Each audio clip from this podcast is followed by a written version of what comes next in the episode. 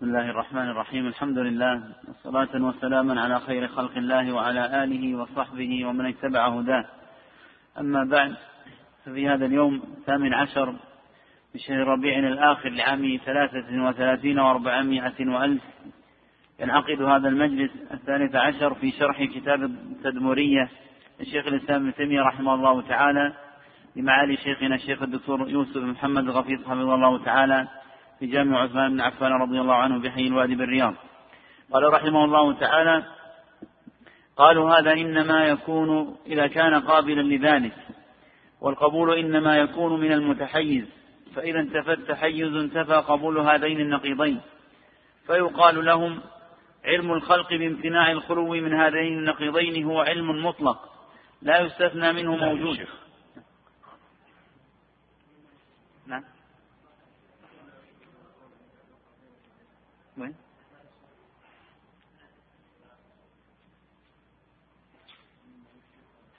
أي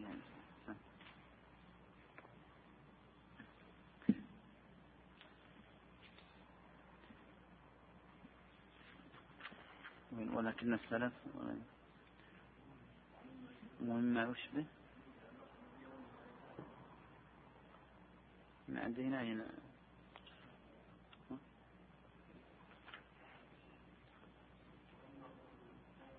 عند القاعدة الثالثة ولا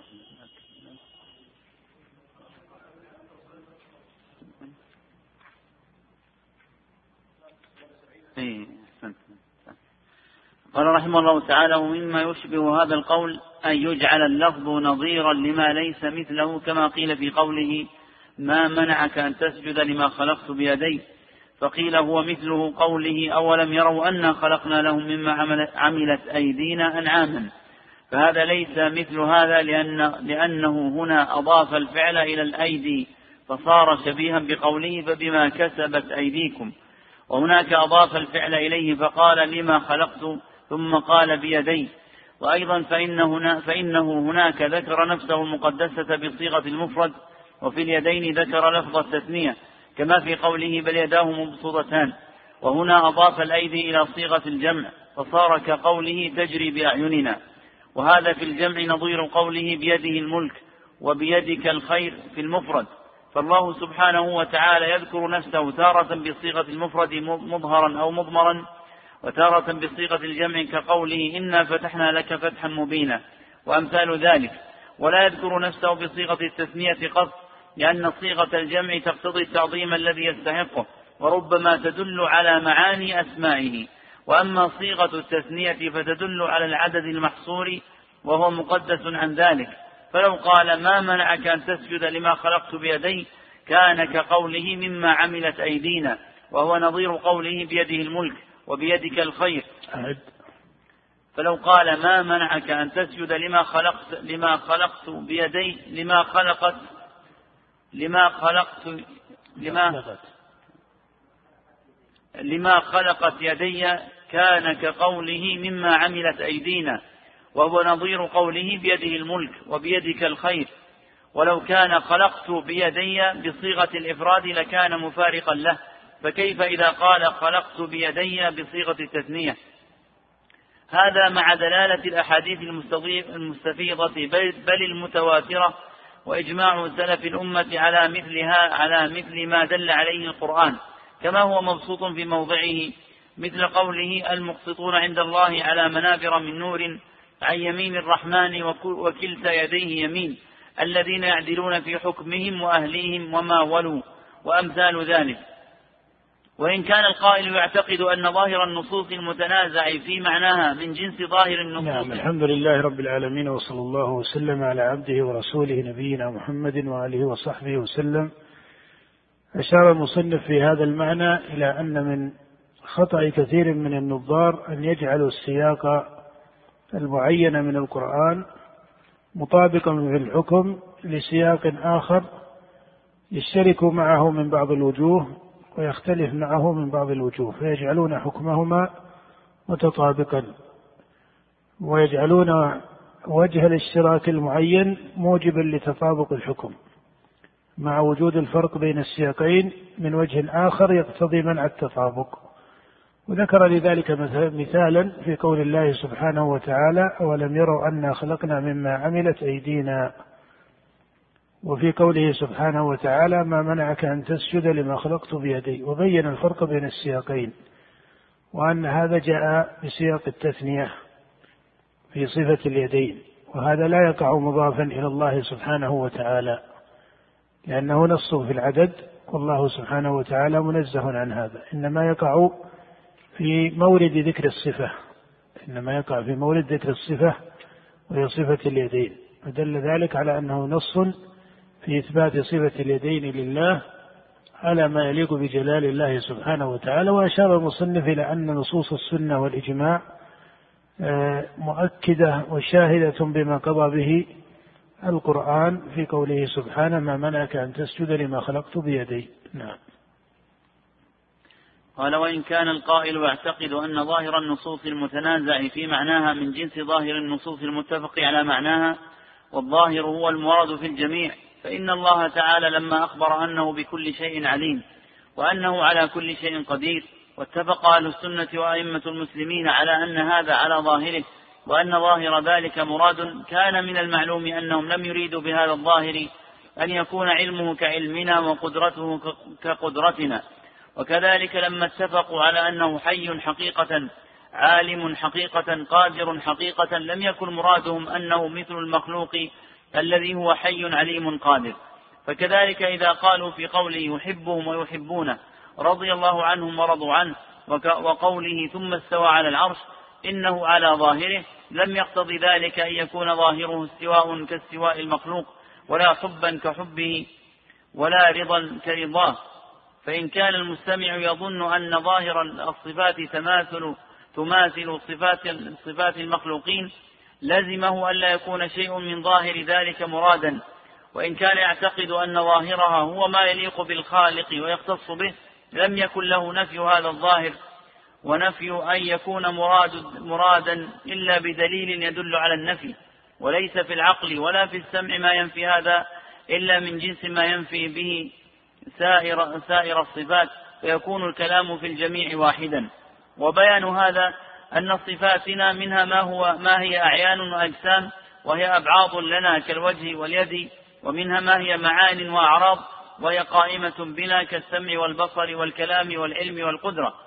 ثم إن من المعلوم أن الرب لما وصف نفسه بأنه حي عليم قدير لم يقل المسلمون إن ظاهر هذا غير مراد لأن مفهوم ذلك في حقه مثل مفهومه في حقنا نعم يقول لما وصف الله نفسه بأنه حي عليم قدير وإنما ذكر هذه الثلاثة باعتبار أن عامة أهل القبلة يذكرونها حتى المتكلمين فإن متكلمة الصفاتية يقرون بهذه الصفات وبهذه الأسماء. وكذلك حتى قدماء المتكلمين كالمعتزلة فإنهم يقرون بهذه الأسماء وهي أن الله حي عليم قدير فيقرون بهذه الأسماء ويثبتونها. وهذا مما اتفقت المعتزلة على إثباته من الأسماء ويقول إنه لم يلزم من ذلك أن يكون ما وصف الله وسمي الله به كأسماء وصفات خلقه. فكذلكم فيما كان من الصفات كالمحبة والرضا ونحوها أو كان كصفة اليدين والنزول ونحو ذلك. نعم. فكذلك لما وصف نفسه بأنه خلق آدم بيديه لم يوجب ذلك أن يكون ظاهره غير مراد لأن مفهوم ذلك في حقه كمفهومه في حقنا بل صفة الموصوف تناسبه. فإذا كانت نفسه المقدسة ليست مثل ذوات المخلوقين ليست مثل ذوات المخلوقين فصفاته كذاته. ليس مثل صفات المخلوقين. ليست مثل صفات المخلوقين ونسبة صفة المخلوق إليه كنسبة صفة الخالق إليه. وليس المنسوب كالمنسوب ولا ولا المنسوب إليه كالمنسوب إليه. كما قال النبي صلى الله عليه وسلم ترون ربكم كما ترون الشمس والقمر.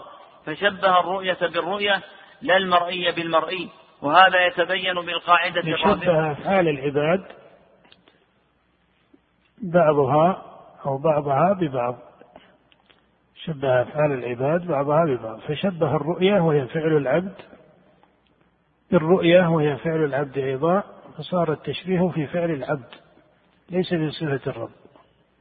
صار التشبيه في فعل العباد وهي رؤيتهم فهي رؤيتهم للشمس والقمر هي فعلهم ورؤيتهم لله هي فعلهم. فشبه فعل العباد بعضه ببعض وليس تشبيها لصفة الرب بشيء من المخلوقات. حتى يقال إن أحاديث الرؤيا من أحاديث التشبيه كما ظل بذلك من ظل من النظار الذين نفوها مع أنهم يقررون قاعدة في علم النظر من جهة قبول الدليل وهو أن الدليل المتواتر فإنه يكون قطعيا فإنه يكون قطعيا وتكون نتيجته قطعية. ولهذا لما جاءوا لهذا الحديث حديث الرؤيا وهم ينفونها قالوا إنه من أحاديث التشبيه وهو حديث أحاد والأحاد لا يحتج بها.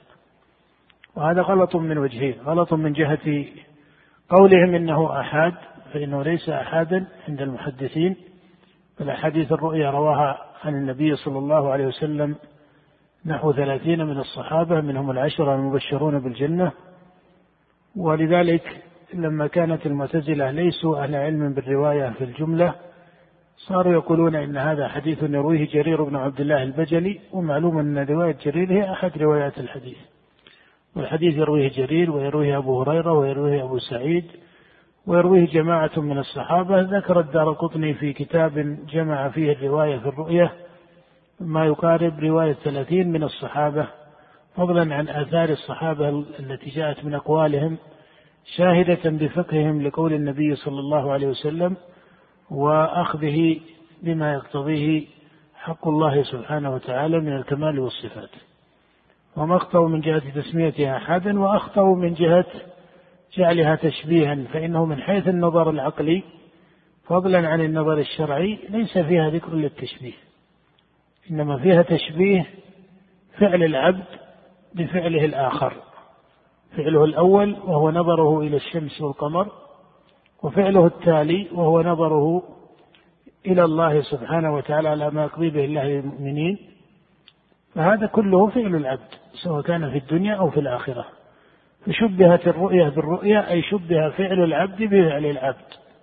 ولم يشبه المرئي بالمرئي أي ليس التشبيه في صفة الرب وفي ذات الرب سبحانه وتعالى. نعم.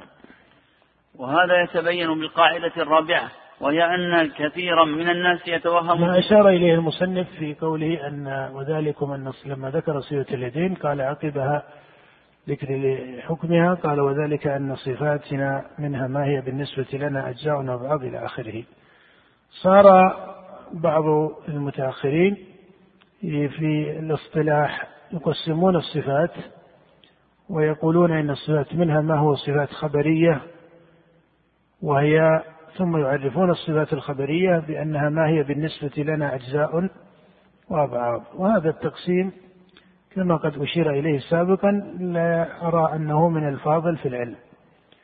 ومبدأ القول في هذا أن ما يتعلق بصفات الله جل وعلا الكلام فيها على مقامين. إن كان الكلام فيها على مقام التقرير وبيان ما يجب على المسلمين اعتقاده في الله سبحانه وتعالى ايمانا به ومعرفة به فهذا في باب التقرير لا يعبر عنه إلا بالكلمات الشرعية وهي كلمات الكتاب والسنة.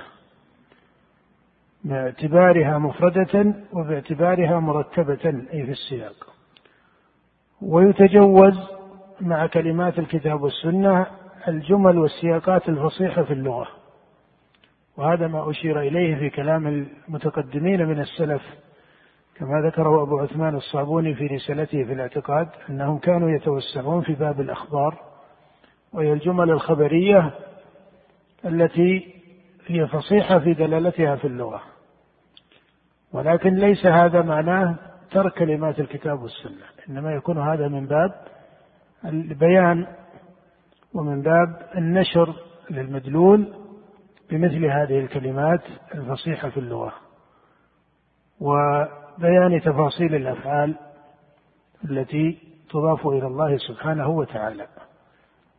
وأما الاصطلاح فإنه على قسمين منه ما هو اصطلاح فلسفي محض أو اصطلاح كلامي محض.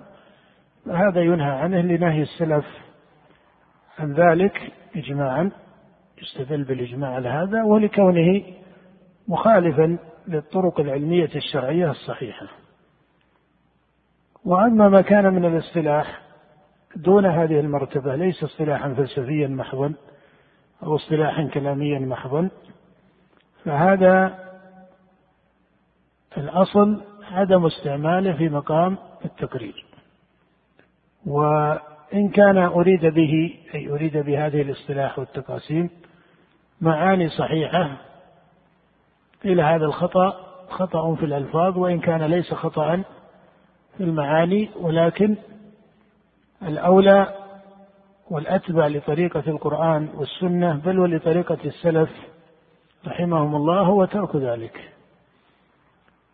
لأنك إذا قلت هذه صفات خبرية أصل التقسيم هو تقسيم كلامي في أصله. يقولون عن هذه الصفات صفات خبرية ويسمون الحياة والكلام والبصر والسمع والإرادة والعلم والقدرة صفات عقلية. هذا فيه بعض التغيير لترتيب الأدلة. ومعلوم أن موقف العقل من صفات الله بل ومن الشريعة قاطبة. العقل موقفه من الشريعة قاطبة. أن العقل لا يمانع ولا يكذب شيئا جاءت به الشريعة. ولهذا لا يقع تعارض بين العقل والنقل. فإما أن يتوهم النقل نقلا وهو ليس بنقل كحديث الموضوع أو يتوهم النقل فهما وليس نقلا ويكون فهما خطأ أو يكون ما أضيف إلى العقل هو من وهم العقل وليس دليلا عقليا صحيحا بل يكون وهما كاذبا. بل يكون وهما كاذبا ومعروف أن النظر العقلي ليس وجها واحدا عند العقلاء بل منه ما يكون برهانا ومنه ما يكون ظنيا نظريا ومنه ما يكون وهما كاذبا لا صحة له. فمنه الكذب وهو الوهم العقلي وهذا لا يسميه آه، الفقهاء أو العلماء بل هذا تسمية معروفة عند المتفلسفة والمتكلمين. يبينون الوهم ويقولون إنه كاذب لا حقيقة له كما نص عليه ابن سينا مثلا في كتبه ونص عليه عيان المتكلمين في كلامهم. ومنه ما هو ظني يحتمل ومنه ما هو برهان صحيح. وهذا التقسيم في جملته من حيث هو مجرد تقسيم صحيح. لأن ما يقال إنه من دليل العقل قد يكون وهما كاذبا وقد يكون ظنيا وقد يكون ماذا؟ برهانا صادقا. فالتقسيم هذا متفق عليه بين الفلاسفة والمتكلمين وأهل العلم ليس محل جدل. إنما محل الجدل في تعيين المراد بالبرهان عن المراد بالجدل أو عن المراد بالظن عن المراد بإيش؟ بالوهم. هذا هو الذي يقع فيه اختلاف ولا سيما في أعيانه. ولا سيما في أعيانه. فتوهم كثير من المتكلمين أدلتهم قطعية برهانية في حين أن مخالفيهم من أهل السنة والحديث أو مخالفيهم من الفلاسفة يقولون إن أدلتهم إما وهمية وإما جدلية. يعني إما ظنية وإما وهمية فيما نزعوا فيه الحق. ويقع في أدلة المتكلمين ما يكون برهانا صحيحا. وذلك يوافق بعض النتائج الصحيحة في كلامهم لأنه ليس كل ما قالوه يكون باطلا. ما ذكروه مثلا من الأدلة الدالة على وجود الله سبحانه وتعالى أو على قدرته أو على ربوبيته من المعاني الصحيحة تكون أدلتها صحيحة. لكن ما يذكرونه من أدلة صارفة للنصوص الصفات عن مراد الله بها بالتأويل بما يسمونه تأويلا كدليل الأعراض أو دليل التخصيص ونحوها فهذا من الأدلة الواهمة تارة الكاذبة أو من الأدلة الظنية. التي لا توجب لا يجب بها هذا الباطل الذي ذكروه. فإن الدليل قد يكون من حيث هو صحيح لكنه لا يوجب نتيجة فاسدة. فيكون توهمهم في أن الدليل لزم عنه نتيجة فاسدة فيكون خطأهم في هذا اللزوم. وقد يكون الدليل من أصله دليلا باطلا ولو سمي عقليا فإنه يكون من الوهم. المقصود أن موقف العقل ليس مبطلا لشيء من الشرع. إذا صدق يعني إذا صدق دليل العقل. إذا صدق دليل العقل فإن العقل هو مناط التكليف. وإذا ذهب العقل كما تعرف سقط التكليف. إذا سقط العقل سقط التكليف. بل إذا كان العقل لم يستقر وينضبط لا يزال الإنسان ليس مكلفا. ولهذا قبل البلوغ مع كون الصبي مميزا وعاقلا في جملته لكنه إيش؟ لم يستتم عقله لا يستتم حسن الإدراك وفهم الإدراك إلا بالبلوغ بل بعض الأحكام المصلحية للإنسان كمصالح الإنسان المالية ونحو ذلك تعلق بما هو بعد البلوغ كالرشاد مثلا يكون رشيدا في تصرفه في ماله ونحو ذلك لكن فرائض العبادات وأصول العبادات هذه كلها تجب عليه وجوبا عينيا ببلوغه المقصود أن ما يقال من دليل العقل فيقال العقل في صفات الله. إذا نظرت إلى باب الصفات من حيث هو جملة فالعقل يشهد له كما يدل عليه الشرع. فإن دليل الشرع قضى أن الله مستحق للكمال منزه عن النقص. هذا قضاء الشرع. وهذا القضاء كما ترى يقضي به العقل أيضا. العقل يقضي بأن الله مستحق للكمال منزه عن النقص. فصار هذا الباب من حيث هو مجمل محكم بقضاء الشرع وقضاء العقل. وأما إذا جئت تفصيل الصفات فطائفة من الصفات التفصيلية يدل عليها العقل كعلم أو كدلالة العقل على كون الباري جل وعلا متصفا بالقوة والقدرة والحياة والكلام والبصر ونحو ذلك هذه مما يدل عليها دليل العقل مع إخبار الشرع بها مع إخبار دليل الشرع بها. وثمة صفات لا يبتدئ العقل الدلالة عليها ولكن الخبر الشرعي النقلي إذا جاء بها لا يحيله العقل بل يصدقه ويوافقه. فإن العقل لا يبتدئ المعرفة بنزول الله إلى السماء الدنيا حين يبقى ثلث الليل الآخر كل ليلة أليس كذلك؟ هذا لو لم يخبر به النبي عليه الصلاة والسلام ما اهتدى له العقل لأنه فعل من مفصل أفعال الله سبحانه وتعالى لكن النبي لما أخبر به لم يكن ذلك مشكلا على قبول العقلاء له ولا يخبر النبي ولا يذكر تشريعا منافيا للعقل أبدا لكن كما ترى أنه قد يضاف إلى النقل ما ليس نقلا وقد يضاف إلى العقل إيش؟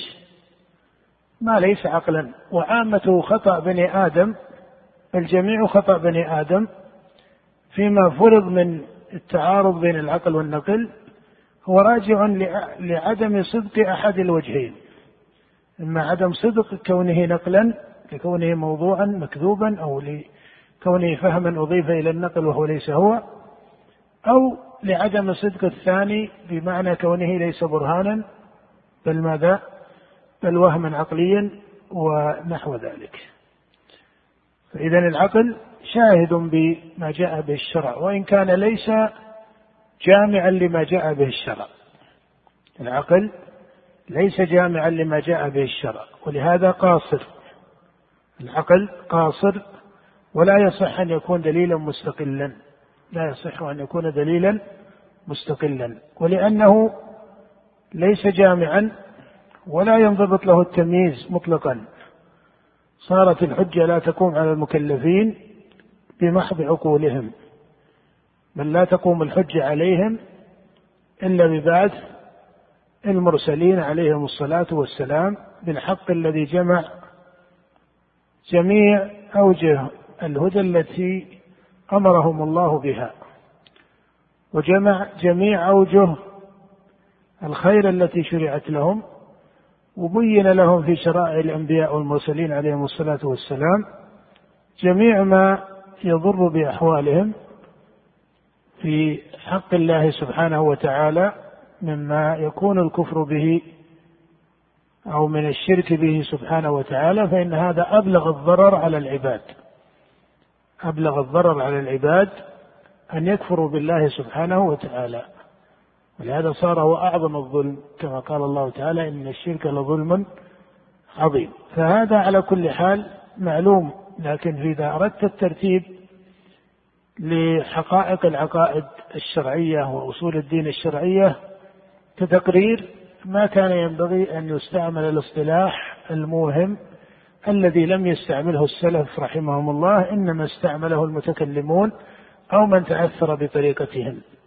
كتقسيم الصفات على مثل هذه الأنحاء وأن صفات الله منها خبري وهو ما هو بالنسبة لنا أجزاء بعض هذا ليس تقريبا للفطرة وبيانا لها بل ربما يقع به بعض